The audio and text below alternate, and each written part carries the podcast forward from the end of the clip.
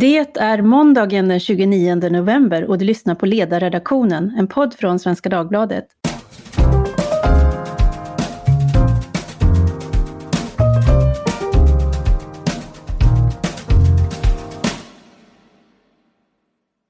Jag heter Tove Livendal och idag gästas jag av affärsmannen som nyligen publicerat sin bok First Aid, från legist till aktad affärsman.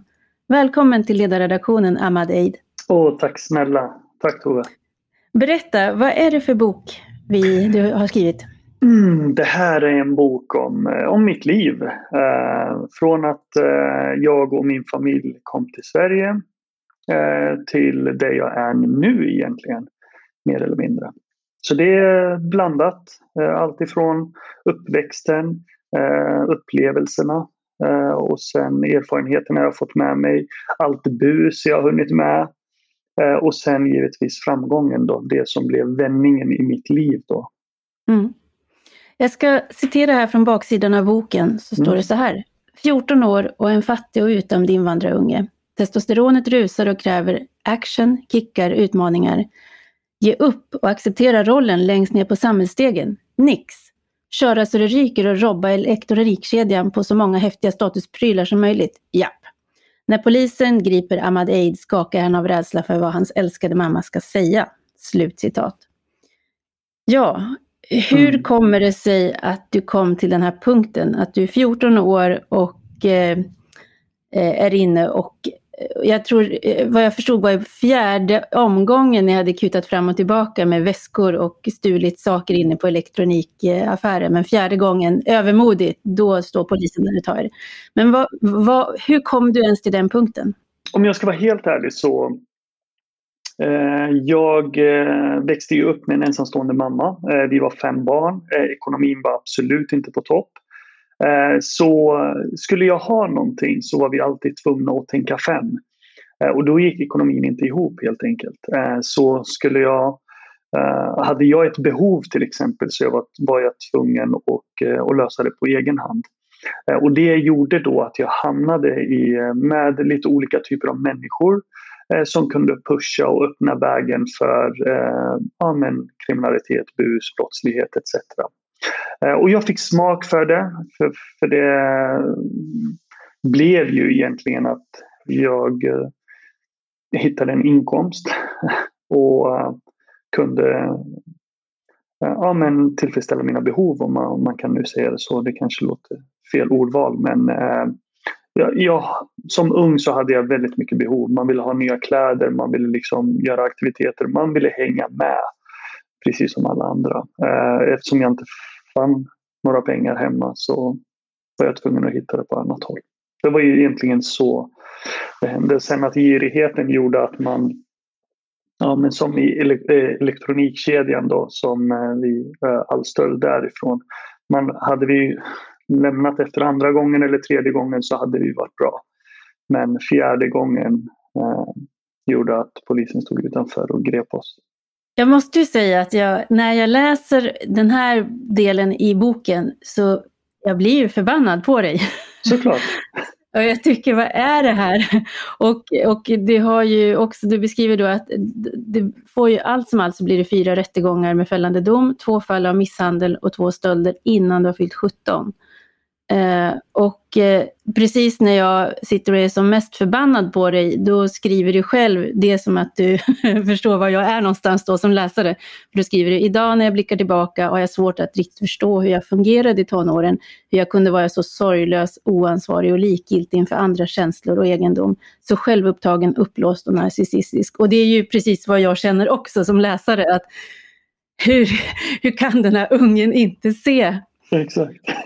Och du utsätter också din stackars mamma för rätt hårda prövningar som får sitta i de här rättegångarna och få ta de här samtalen. Och du är ju otroligt, eh, om man då får säga så, uppfinningsrik också i att ljuga.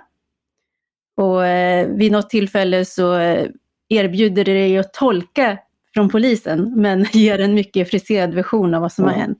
Exakt.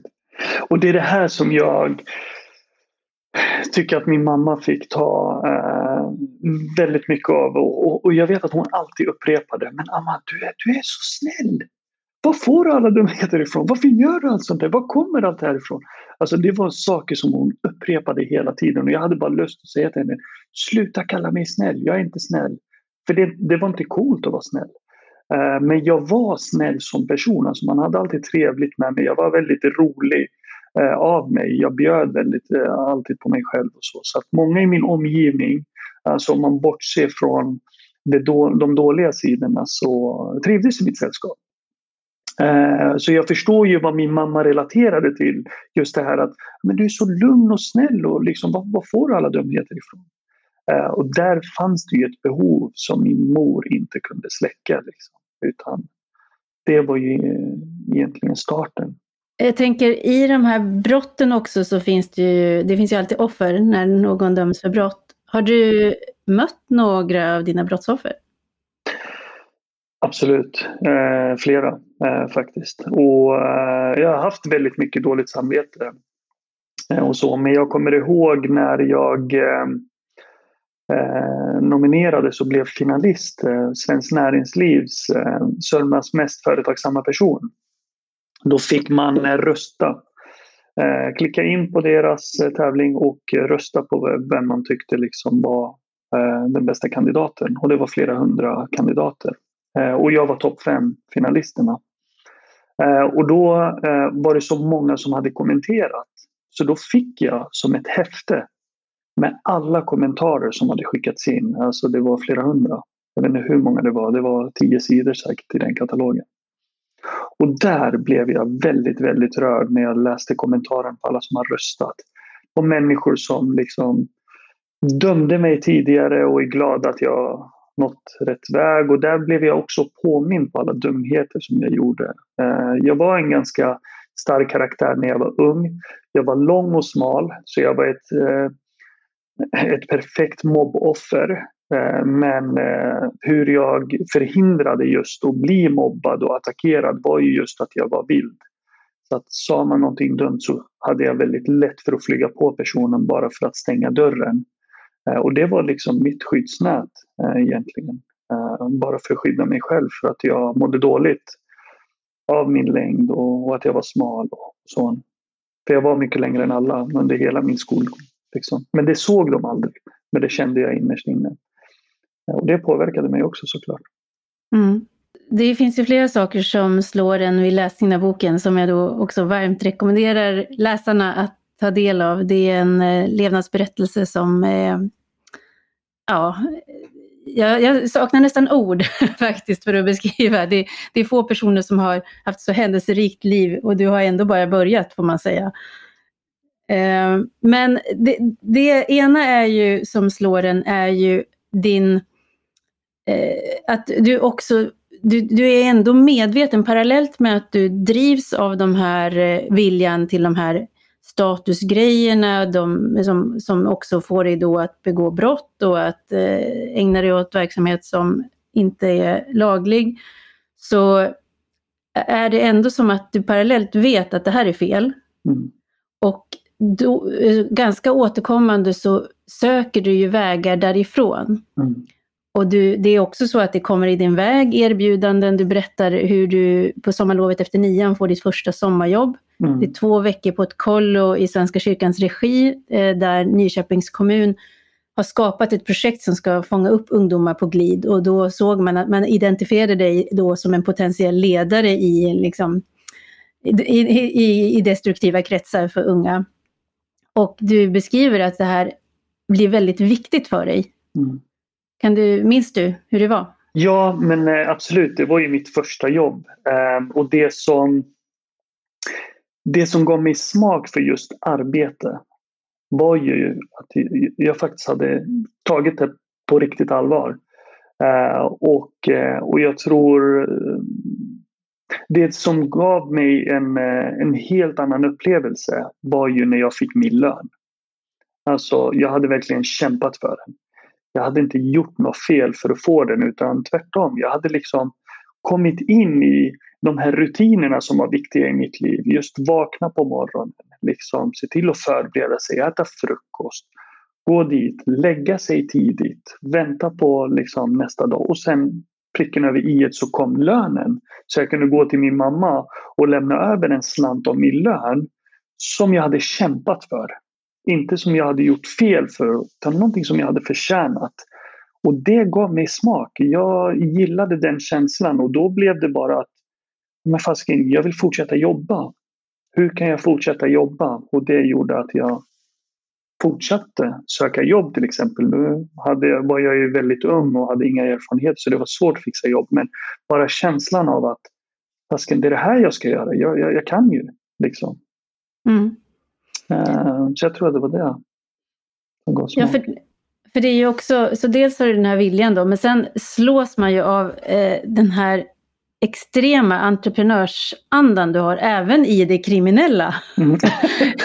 Kreativiteten. ja, eh, och det är ju så här, det är en helt ny värld för mig. Jag, jag, jag läser lite grann här. Eh, sen började jag sälja stilettknivar, Butterfly, eh, Eh, fjäderbatonger, luft och elpistoler. Köpte dem av en kompis pappa som smugglade in grejerna från Thailand. Mitt påslag låg på 250 kronor per produkt, så där gjorde jag mycket pengar. Eh, och så vidare. Och sen så så säger du också att tanken slog dig att de här vapnen skulle kunna komma att användas i bråk med oss invandrare. Men den typen av moraliska betänkligheter viftade jag snabbt undan. I min värld gällde den kortsiktiga vinningen, inte de långsiktiga konsekvenserna. Och sen eh, fixar du smuggelvodka och whiskyöl till polarna. Eh, ja, så att, ja, man, man, måste ju ändå man kan ju konstatera att du är kreativ. Ja, alltså, jag försökte hitta alla sätt att tjäna pengar. Jag försökte lokalisera behovet. Ja, men vad behöver man? Och sen därifrån försökte jag liksom alltid vara mellanhand. Liksom, hur mycket tjänar du? Okej, okay, ja, men, eh, du får behålla din vinst. Kan jag lägga på ett påslag? Liksom? Ehm, så det var alltid sätt för mig att, att hitta pengar.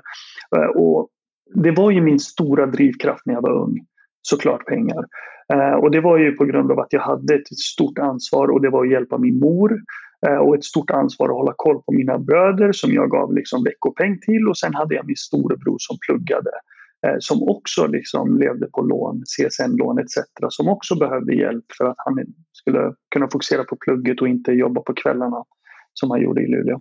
Så att, eh, och då var det enda sättet för mig att minimera risken för att åka fast egentligen. Och bara, hur kan jag göra det så enkelt som möjligt? Hur kan jag göra det för, och med minsta möjliga liksom, risk? Ehm, och, och, då var jag ju kreativ och hittade så många lösningar jag kunde. Mm. Så småningom så kommer din kreativitet att omsättas i, i näringslivet och på laglig väg. Och det är ju det är något enastående och man inser ju då med tanke på de framgångar som du har haft eh, att det är så här, kraften fanns där hela tiden, men det är bara en fråga om man använder den på ett destruktivt eller konstruktivt sätt.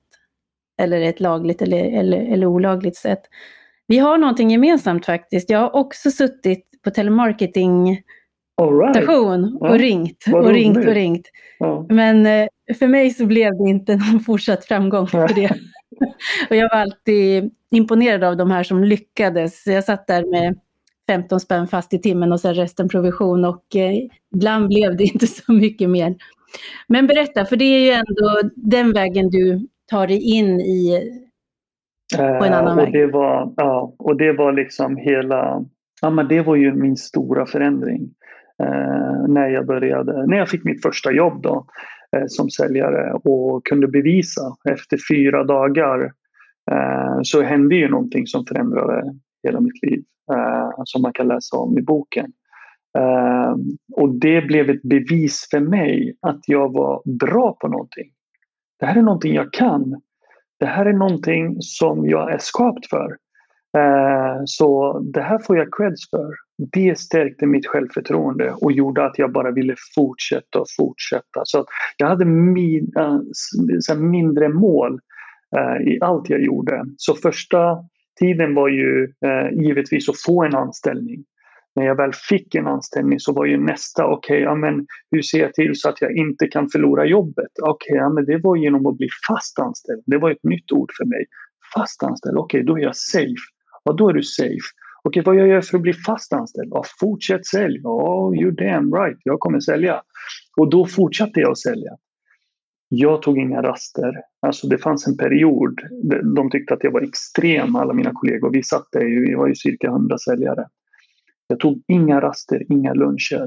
Jag vet att jag hade med mig någon kexchoklad. Jag hade alltid, vi hade en kiosk i, på byggnaden då. Så jag köpte alltid med mig några små saker och tog samtal och sen tog en, en break på fem minuter och sen stoppade i mig någonting och bara fortsatte. För varje minut jag offrade på rast eller någonting så var det en förlorad intäkt i min värld. Så att då började jag kalkylera. Och jag kommer ihåg som rekord, jag tror jag hade 600 samtal eller någonting på en hel dag. De tyckte det var helt absurt. Liksom. De bara, du kommer gå in i väggen. Jag bara, vilken vägg? Vadå vägg? liksom. Jag kommer, så länge jag kan tjäna pengar och det var det som triggade mig med just provisionbaserat jobb. Liksom, sky is the limit. Du kan tjäna hur mycket du vill. Liksom, bara fortsätt sälj. Sen att jag fick en bedrövlig provision per sälj, det var en annan femma. Men, eh, så att det triggade mig eh, och det stärkte mitt självförtroende och jag älskade att gå till jobbet. Alltså jag såg fram emot att gå till jobbet. Jag hatade helgerna. Hur mycket alla längtade efter helgerna, jag hatade dem. Jag satt och längtade till måndagar för att jag ville bara till jobbet. Liksom, för jag tyckte det var så skön stämning och sen fick jag den här bekräftelsen av alla mina kollegor. Bara en klapp på axeln. Bara, wow vad duktig du är. Deras reaktioner och min motivation. Så äh, det, det, var en, en, härlig tid i mitt liv, det måste jag säga. Det, och min mor var ju extremt stolt. Liksom. Jag kunde ge henne 5-6 tusen i månaden eh, utan problem. Och, eh, och för henne var det en enorm avlastning att bara slippa jobba nätter och, och, och sådana saker. Så att, eh, nej, det, det var en livsförändring för mig, mm. verkligen. Det, det, måste jag säga. Jag tänker på, för, för du, det, när du eh, höll på med olagligheter så var ju inte det inom ramen för gängkriminalitet, den som vi diskuterar varje dag nu. För det, där tänker jag att en av de drivkrafter som finns där är ju det som du fick på jobbet, nämligen bekräftelsen. Och känslan att här, jag, jag kan det här, jag är bra på det här. Här gör jag, nytta liksom. Ja, så jag tänker var tur att din kriminalitet inte skedde inom ramen för ett sådant oh, nätverk. Ja. Oh ja, och uh, jag brukar säga det faktiskt när jag föreläser uh, i skolorna att hade jag bott i en storstad eh, för de här större städerna har ju lite tendenser att kanske locka till sig ännu fler. Liksom, och, och man har lättare för att göra lite större saker och bjudas in. Som tur så växte jag upp i en liten stad där allting hade inte blossat upp eh, på samma sätt. Och, och modet fanns inte, eh, tror jag, som det finns i kanske lite större. Så jag, ja, Gud vet vart jag hade landat, liksom, hamnat. Du skriver ju också här när du, när, när du känner att nu, du är medveten om att nu händer det någonting. Du har tidigare lagt all kraft på, på att hitta de här eh, vägarna till att få in pengar snabbt, men på olaglig väg och nu så börjar du bygga någonting. Och det finns ett citat här som eh, fastnade. När jag insåg vidden av vad som höll på att hända, att jag var på väg att ömsa skinn från ett svart får till ett vitt, då genomfors jag av en lika stillsam som beslutsam eufori. Mm. Det känns som det blir en väldigt, den, den känslan blir en viktig drivkraft. Oh ja, det blir som sagt livsförändringen för mig. Och det blir en helt annan upplevelse. Eh, och sen just den här lättnaden att veta att du kan få en egen försörjning egentligen. Utan att gå runt och vara rädd hela tiden. För det var vad jag var. Jag var ju konstant rädd när jag gjorde dumheter. Att okej, okay, Gud vet, ringer någon på dörren, åh, tänk om det är polisen. Eh, ringer någon på telefonen och mamma svarar, det första jag gör är att titta på hennes reaktion. Liksom. Eh, okej, okay, oh, det, det, var inget allvarligt. Alltså, bara den känslan att kunna vakna och, och må bra eh, var ju mm. också otroligt skönt. Måste jag säga. Och sen omsatte du, du var inne på det tidigare här, där du sa att eh, det först, efter ett tag så insåg jag att det fick ganska dålig provision. Mm. Så du, du, du, när du väl är, har fått bekräftat för dig själv och det omgivningen också absolut bekräftar att det här är någonting som du är bra på, så börjar du se att det finns möjlighet kanske att utveckla och att göra någonting själv. Exakt. Och det är då du tar steget till att bli egen. Just det. Uh, och det, diskussionerna blev ju, uh, gick ju med mina två uh, andra kollegor som också var väldigt duktiga säljare och som också är uppväxta i miljonprogramsområden. och det vi konstaterade egentligen var ju att vi har ingenting att förlora. vad är det värsta som kan hända egentligen om vi går vår egen väg? Ja, det är att det går åt käpprätt åt pipan. Men vi är ändå duktiga säljare. Så det kommer alltid finnas företag som kommer vilja ha duktiga säljare och då kommer vi bli anställda och sen kommer vi kunna tjäna mycket pengar. För jag tjänade väldigt mycket pengar under ung tid. Alltså jag var ju typ 20 år och, och kanske kunde komma upp i lön liksom 60-70 000 efter skatt. Så jag kunde hjälpa min mor, jag kunde hjälpa min storebror i Luleå. Eh, han kunde stoppa liksom all CSN-lån eh, utan att jag berördes. Jag kände att jag hade så mycket pengar men jag hade inte tid att slösa för jag älskade att jobba. Så jag hade inte tid att spendera pengar utan för mig var det bara jobba, jobba, jobba. Jag älskade att sova på kontoret. Bara en sån grej var ju helt liksom, drickat. Men det är inte sånt man vill säga för det är inte hälsosamt. Men det, det intressanta är ju att eh, när vi diskuterade, då jag och mina två andra kollegor var ju att okej, okay, men vi börjar smått. Liksom. Vi startar ett eget bolag och sen säljer vi själva.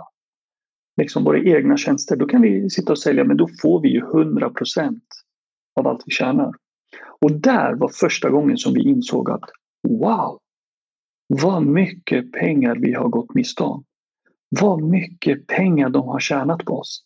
Alltså det var extremt. Så bara för att ge dig liksom en, ehm, eh, en upplevelse av situationen. Eh, jag kanske tjänade 40 kronor per sälj på ett säljbolag eh, och för det fick jag kanske 1500 kronor när jag blev egenföretagare. Så den skillnaden per sälj. Liksom, så sålde jag 300 sälj per månad, ja, men då kan man göra matten. Liksom, hur mycket pengar jag drog in. Eh, så att, eh, och det gjorde då att, okej, okay, då kände vi bara så enkelt. Varför den girigheten? Vi behöver inte den girigheten. Låt oss ta in säljare och ge dem 50 procent. De får 50 procent av allt. Så att det gick väldigt fort för oss. Jag tror efter sex månader hade vi 11 kontor runt om i Sverige och närmare 100 säljare. Uh, för att det var så enkelt. Alla tjänade pengar. Mm. Uh, och, och, det gjorde även vi också. Och hur ser ditt uh, företagande ut idag?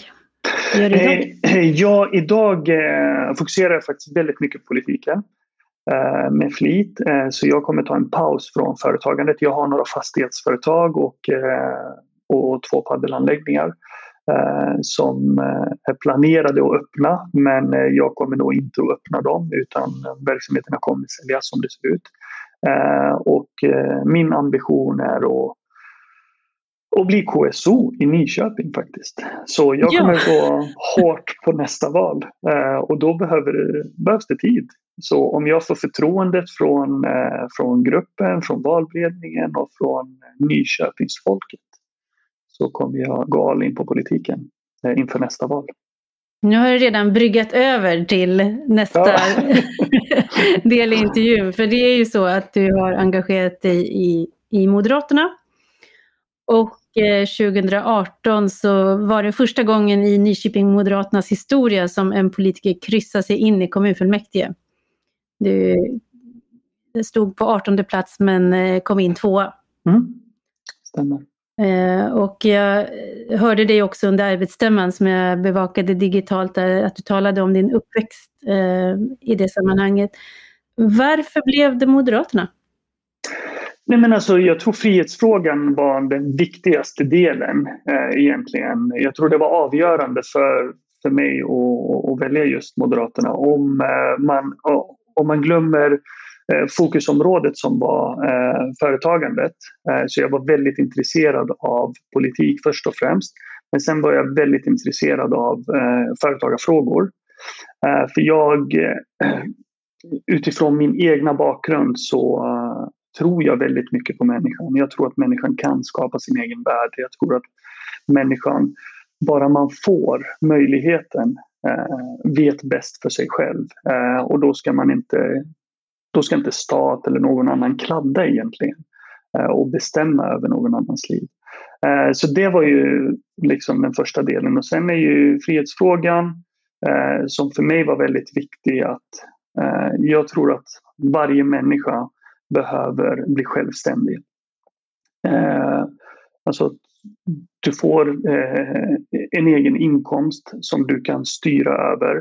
Eh, du kan bestämma vilken väg i livet du vill ta. Vare sig du vill bygga en karriär eller starta ett eget företag så ska inget hinder skapas egentligen för dig. Du ska kunna våga jaga dina drömmar och egentligen samhället ska stå bakom dig. Eh, det är väl det jag brinner väldigt mycket för. Eh, och jag tror som frågan som jag oftast får liksom, eh, kring människor som kommer till Sverige. varför, vad jag kan rekommendera dem. Och, för mig är det ganska givet, jag vet inte varför den här frågan är så dramatisk, men för mig är det ganska givet att du lär dig språket. Självklart kommer du ut i arbete. Du blir egenförsörjande, självförsörjande och då blir du självständig. Då kommer du ha ett fantastiskt bra liv. Alltså, svårare än så är det inte. Det finns inga genvägar. Liksom. Du kan inte bygga framgång eh, och du kan inte få framgång eh, utan att jobba för det. Liksom. Det finns inget hokus pokus. Allting är hårt arbete från alla håll. Eh, det kom ju, har ju kommit nya forskningsrapporter nu. Vår kolumnist Öske Öner skrev om detta här i veckan att och det är ganska sorglig läsning därför att den, den säger att majoriteten av de som invandrar till Sverige blir aldrig självförsörjande. Eh, utan kommer att vara beroende av olika offentliga stöd, så som läget är nu. Och det är klart att eh, allting, det, det får man väl tro om man är engagerad politiskt, att saker och ting går att förändra. Men vad tänker du kring det? Hur, eh, det där är, där är ju systemet eh, som är feluppbyggt. Alltså vi har ju mycket, alla politiker egentligen har haft ett väldigt stort ansvar. Man tog emot väldigt mycket människor här men det fanns ingen plan för dem. Det fanns ingen plan för hur man ska integrera de här människorna. Och det har inte bara skadat samhället utan det har skadat de individerna. Alltså ingen människa eh, Eh, vill ju egentligen inte integreras utan alla vill ju vara en del av samhället. Det vore ju absurt om man inte ville det. Sen att systemet tillåter att det är lönsammare att faktiskt leva på bidrag än att, än att faktiskt ha ett arbete och leva på ett arbete. Det är där vi har misslyckandet. Det, det är inte fel på människorna utan det är fel på vårt system. Vi måste förändra systemet och bygga ett helt nytt arbetssätt eh, som ska egentligen gynna alla. Eh, så att du kan inte straffa människor som jobbar hårt. Alltså det är det dummaste som finns. Du ska belöna människor som jobbar hårt. Alltså människor som tjänar pengar är lika med att du jobbar hårt. Det finns inga lätta pengar. Du kan inte bara tjäna pengar utan du jobbar hårt för att tjäna pengar. Oavsett om du är en högt uppsatt chef eller om du är en säljare som tjänar mycket eller om du har startat ett företag där du har tagit fantastiskt mycket risker och det ingen kommer stå och försvara dig om du går i konkurs. Det är ingen stat som kommer hjälpa dig. Hur är det möjligt att den här personen inte ska få bygga en buffert? Varför ska han inte få tjäna pengar? Om han har tagit så mycket risker och offrat så mycket för att följa sin dröm.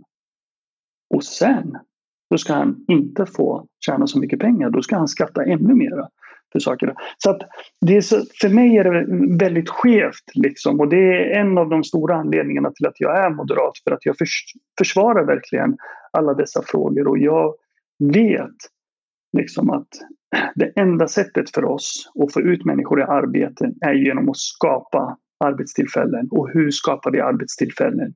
Jo, vi gör det enkelt för människor att driva företag. Kan vi bara lösa den delen så kommer vi kunna göra väldigt, väldigt mycket.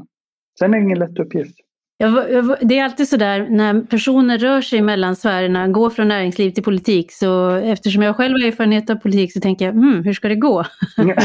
men det låter som en politiker, eh, men, men har ju också en, eh, den självupplevda verkligheten med dig som företagare och det tror jag är otroligt värdefullt alldeles oavsett vilket parti man arbetar för att det kommer in personer med de erfarenheterna. Och det visar sig ju nu också under pandemin att eh, civilsamhället och näringslivet lyckades oerhört bra med att snabbt ställa om, hitta kreativa lösningar och så. Där det, det där det tog stopp, det var ju politiken. Mm. Så att, eh, jag, jag, jag, kommer hålla koll och se hur länge du blir kvar i, en miljö där kreativitet och handlingsförmåga inte alltid är det enklaste att eh, man alltså. behöver ett enormt tålamod. Det är helt fantastiskt. Sen är det ju så, det, det fina är ju att, eller det tråkiga är ju att det finns sån brist på kompetens. Alltså totalt sett. Eh, jag trodde att, att det fanns väldigt mycket kompetens men jag har förstått det nu att man väljer att pensionera sig i politiken. Man väljer inte att bygga en framgång i politiken, är kulturen inom politiken. Vilket jag tyckte eh, är lite fel. Sen förstår jag med den ekonomiska delen. Men hade jag fått bestämma, jag hade halverat alla mm, eh, ledamöter i, i allt egentligen mot att lägga den pengen i en pott och få in kompetens som kan faktiskt bedriva eh, och försvara skattepengarna på rätt sätt. För idag slösas det alldeles för mycket av våra skattepengar och det prioriteras fel helt enkelt. Ja, ett råd i all välmening. Det där kommer inte att göra dig populär internt kan jag säga. Nej, nej men det förstår jag. Det förstår jag. Men för mig är det alltså, när, man kollar på eh, totalt sett hur många eh, liksom aktiva politiker, alltså nu pratar jag den kommunala eh, kommunpolitiken, så är det väldigt många i alla partier eh, som jag skulle nog kalla stolvärmare. Eh, mm. De sitter där men de bedriver ingen politik och de gör inte sin röst hörd. Och Eh, och förvaltar inte egentligen medborgarnas röster och skattepengar. Och det är väl det jag kan känna. Sen förstår jag det demokratiska med antalet ledamöter. Så jag kan räkna dem med mina egna fingrar hur många aktiva politiker vi har att göra med. Det är min mening, men som sagt, det kommer utifrån. Det blir intressant där, därför att just den där sortens, eh, ibland då kanske klarsyn som är väldigt obekväm, den, min erfarenhet är att man kan ha den när man går in och sen är det tveksamt. Antingen så förändras man själv eller också så lämnar man. Så att eh, det ska bli intressant att se. Jag tror vi får bjuda in dig till podden igen. Ja, precis. Ja, det ska bli intressant.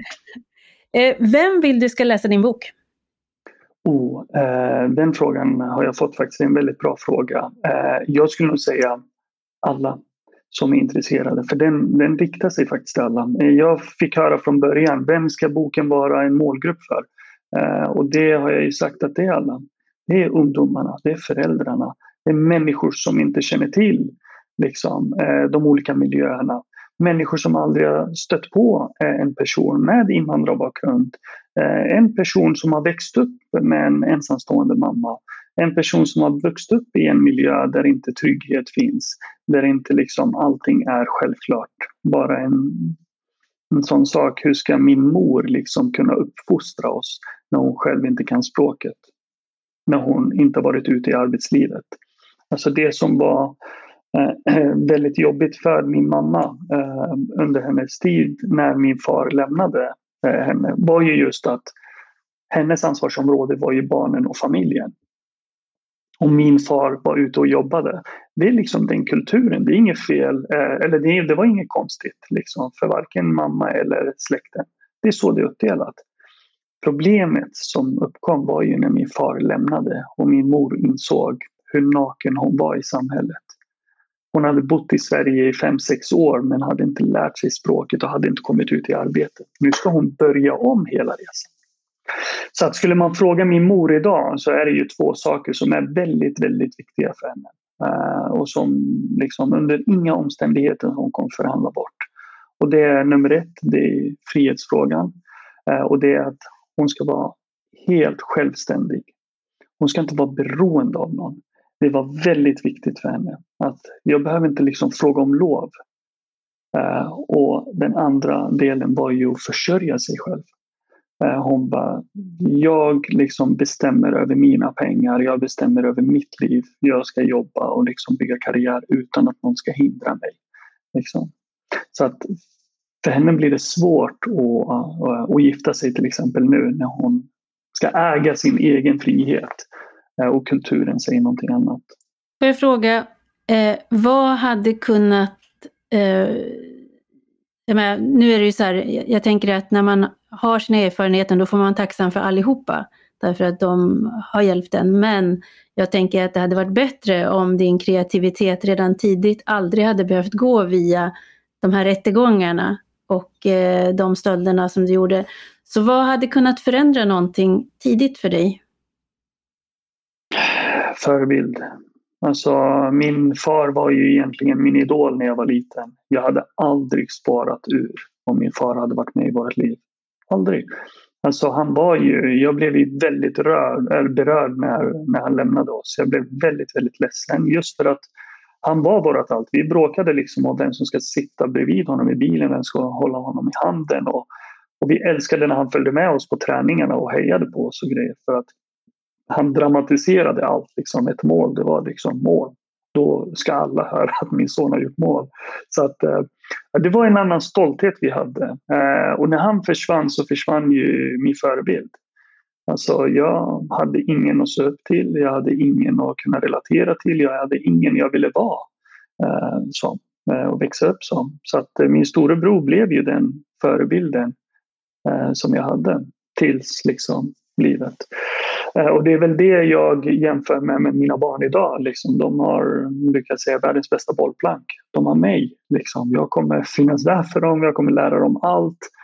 Eh, och eh, de, framförallt så ska de få välja sin egen väg. Liksom. Eh, och jag ska inte bestämma över deras liv utan de ska få bestämma över sina liv. Eh, så eh, bara för att ge dig liksom, slutet så hade jag haft en far vid min sida, hade jag haft någon att se upp till, någon positiv förebild. Eh, förutom att se min mamma kämpa, vilket tog hårt på mig. Liksom. För att jag givetvis klandrar jag samhället, jag klandrar alla människor runt omkring mig. Det var alla andras fel, förutom mitt fel. Allt som var otur, det var andras fel. Det var, liksom, det var mitt försvar. Tills jag tog tag i livet och insåg att det är ingen som kommer ge mig min framgång. Det är ingen som kommer jobba för mig utan jag måste göra allting själv. Och då är det viktigt att samhället också ger mig den möjligheten. Eh, vår tid är ute, Ahmad, men jag ska skicka med dig en önskan. Eh, jag har ju läst i din bok här att du har gjort väldigt bra affärer, så jag förstår att du har gott ställt. Eh, och om det är någon sån välgörenhets pro bono-insats som jag önskar att du gör, så är det att du gör din berättelse tillgänglig för många av de ja, tioåringar som just nu är i det behov som du var i när du var i den åldern och där saker och ting hade kunnat gått annorlunda. Mm. Så jag önskar att du ser till att din berättelse kommer dem till del. jag tror att det kan göra skillnad. Absolut. Boken vi har pratat om är First Aid, från legist till aktad affärsman och den är utgiven på Ekelids förlag och författaren är Ahmad Eid. Stort tack för att du ville gästa ledarredaktionen. Tusen tack. Tusen tack. Tack snälla. Tack också till er som har lyssnat och har ni frågor eller funderingar så hör ni av er till ledarsidan svd.se och boken ska jag också rekommendera varmt som en julklapp om man går i sådana funderingar. Producent idag var Jesper Sandström. Tack för idag.